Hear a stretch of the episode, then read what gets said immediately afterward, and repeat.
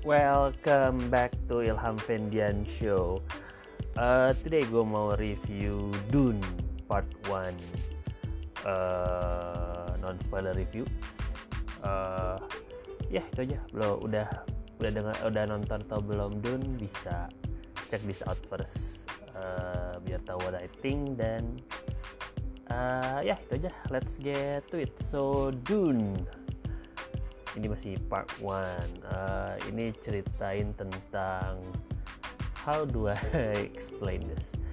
Uh, uh, ceritanya adalah tentang sebuah uh, ini di outer space gitu. Di outer space ceritanya uh, ceritanya adalah sebuah ada sebuah keluarga me, eh keluarga pokoknya ada sebuah ya ada keluarga namanya keluarga I think Harkonnen Harkonnen itu udah mengkolonisasi planet Arrakis yang isinya pokoknya mereka, menemukan substance paling uh, mahal di semua galaksi uh, namanya uh, spice.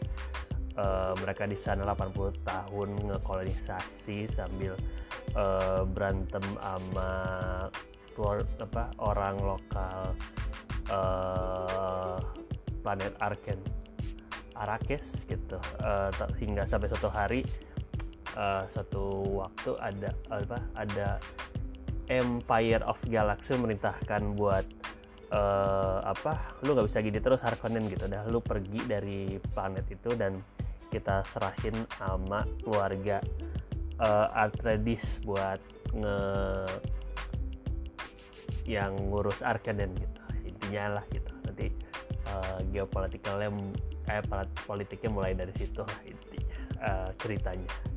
That's the sesimpel gue bisa jelasin dia. Uh, ya gitu aja. Dun man. Gimana ya? It's wow. Uh, pertama yang harus disebutin adalah uh, isi jajaran cashnya gitu. Ini uh, cast yang stack yang sangat banyak banget deh dan mereka liatin di posternya seberbagai ma macam muka-muka orang terkenal gitu. Uh, uh, di kita punya Timothée Chalamet, Zendaya, Rebecca Ferguson, Jason Momoa, Oscar Isaac, Dave Batista, uh, Javier Bardem, Josh Brolin, uh, ada Stellan Skarsgård, jadi pokoknya stack cast dan semuanya uh, semuanya literally semuanya did a good job of course karena talentnya it's top notch talent gitu. Jadi mereka kan nggak jarang lah mereka performance uh, tingkat bawah or eh, ini pokoknya acting tingkat atas walaupun nggak semuanya mendapatkan uh, screen time yang sama gitu. Kita bisa uh, Zendaya nggak banyak acting di situ gitu. Saya bisa bilang terus uh, Javier Bardem juga nggak banyak nggak banyak waktu. Tapi setiap mereka ada uh, mereka uh, apa mereka ngeliatin skill mereka lah gitu intinya. Dan uh, terutama buat Stellan Scott eh, untuk yang orang-orang yang waktu minim waktu itu it's Stellan Skarsgård ya. Pokoknya kalau inget mah dia pokoknya yang main profesor di film-film Thor gitu. Di Avengers 1 juga ada si, si profesornya itu. Dia jadi Vladimir Harkonnen pokoknya uh, bosnya keluarga Harkonnen gitu. Uh, dia scene, uh, scene stealer sih pokoknya.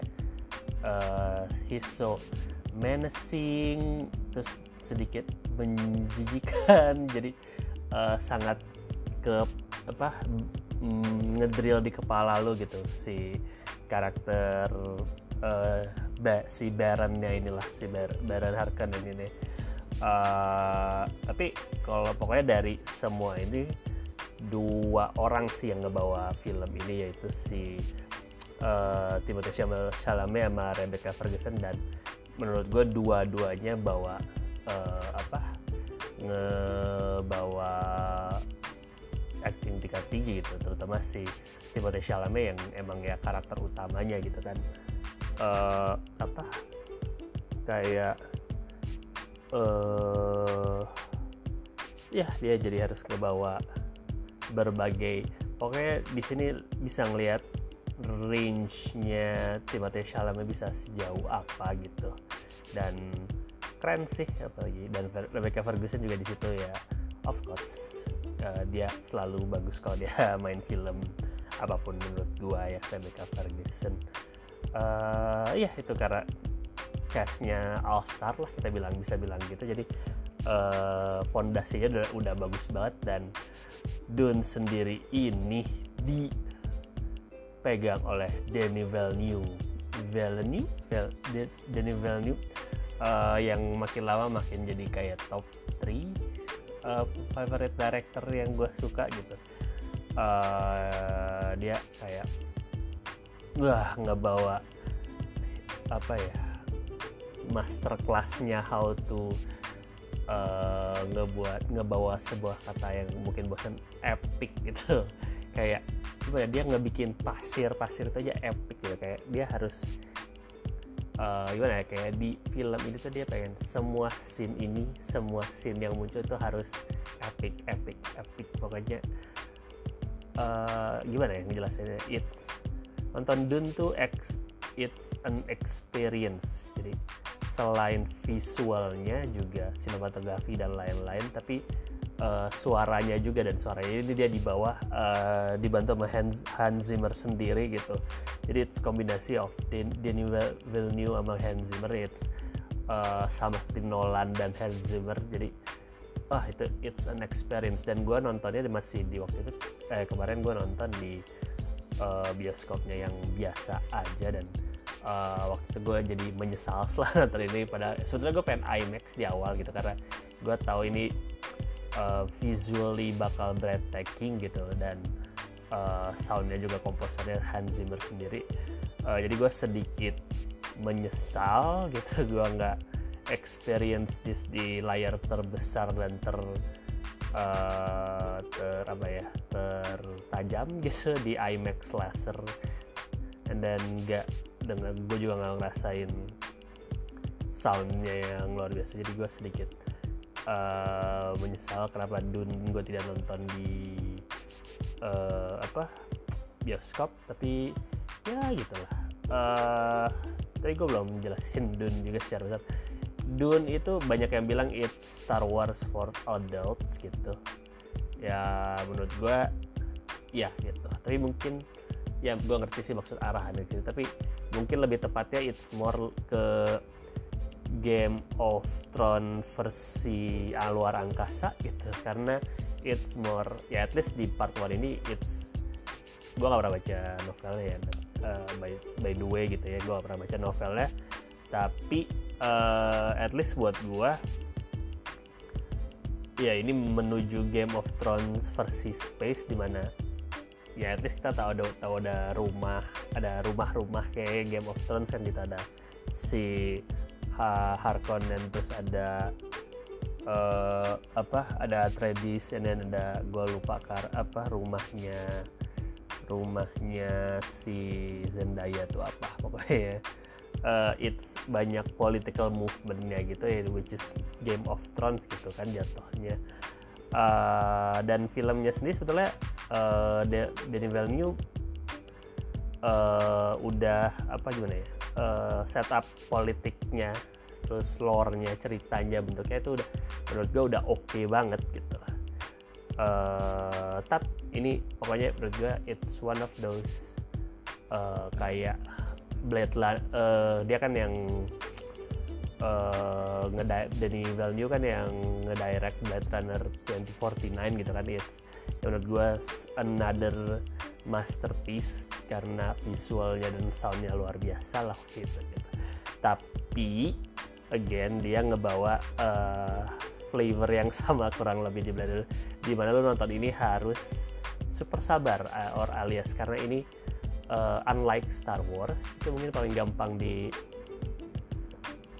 paling gampang diceritain unlike Star Wars ini nggak nggak langsung jedar jeder jedor gitu loh. Nggak kayak Star Wars yang uh, ya at least Star Wars yang baru-baru ini mereka langsung bring to the action.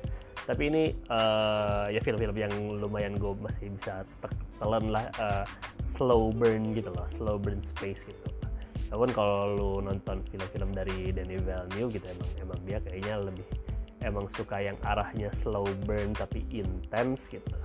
And then uh, dan slow burnnya juga bukan slow burn uh, yang maksud gue nggak ada payoff atau nggak ada action nggak ada gitu. Ada di beberapa spot yang emang berarti. Tapi he take his time dengan visual dan sound dan cuma dia emang juga butuh uh, apa? Dia butuh waktu kan buat menjelaskan how the political move-nya, how karakter ini, how, uh, it takes time tapi menurut gue ya yeah, it's good gitu, but uh, ya terutama gen ke visual dan soundnya itu masterclass gitu. Uh, tapi karena slow burnnya gue nggak tahu apakah bisa semua orang bisa menikmati ini itu untuk masalah pertamanya. Terus masalah keduanya adalah ini part one. Dan I think suksesnya Dune ini tuh depends on part 2 nanti gitu. Karena uh, film ini tuh nggak kayak uh, apa nggak kayak film-film kebanyakan. Biasanya film-film kebanyakan dibagi tiga part. Ada part satu part dua eh act 1 act 2 act 3 ini lebih ke arah kayak act 1 beres dan baru. Pokoknya film ini pas nonton lo act 1 beres dan baru mau menuju act 2 gitu. Jadi kayak kesuksesan or semuanya ini depends on Dune part 1 and part 2 gitu. Gimana akhirnya beres sebuah cerita Dune gitu. Kayak film kalau paling gampangnya Fantastic Beasts Crimes of Grindelwald gitu uh, filmnya terlalu banyak setup at least for Fantastic Beasts ya karena itu dia terlalu banyak setup buat film ke ketiganya nanti si uh, Secret of Dumbledore ya nanti yang berikutnya. Jadi semua apa si Crime of Grindelwald dia nggak bisa berdiri nggak bisa berdiri sendiri banget gitu. Dia dia perlu terusannya gitu biar untuk jadi sebuah kesatuan menurut gua ya. Sedangkan dunia ini ya lu perlu satu lagi untuk menjadi sebuah kesatuan. But the problem is ya nih uh, kita nggak tahu Dune Part 2 bakal keluar apa enggak gitu. Karena balik lagi katanya ya, ya banyak masalah dengan Warner Brothers dan Danny Value gitu uh, depends balik lagi how much sukses gitu. Dan ya jujur ya jujur ya kalau partunya nggak pernah nggak bakal dibikin oleh Danny Villeneuve or lainnya gitu I don't think uh, ya I don't think it's gimana ya gampangnya. Apakah lu mau nonton ini Dun sendiri Dun part 1 eh, ini aja gitu. Nah I think it's kurang gitu intinya gitu. Gue nggak bisa cuman kayak nonton ini film berapa lama sih? Dua jam something apa hampir tiga jam gitu. Uh, karena lu te, uh, it's ada yang kurang gitu. Karena gue yakin tuh kayak perlu terusin aja. Mungkin gue nggak tahu mungkin karena ini salah satu film yang langsung dimasukin ke HBO Max kita cuma kasih dua minggu release time gitu gue lupa lah pokoknya dia uh, masuk ke HBO, HBO Max.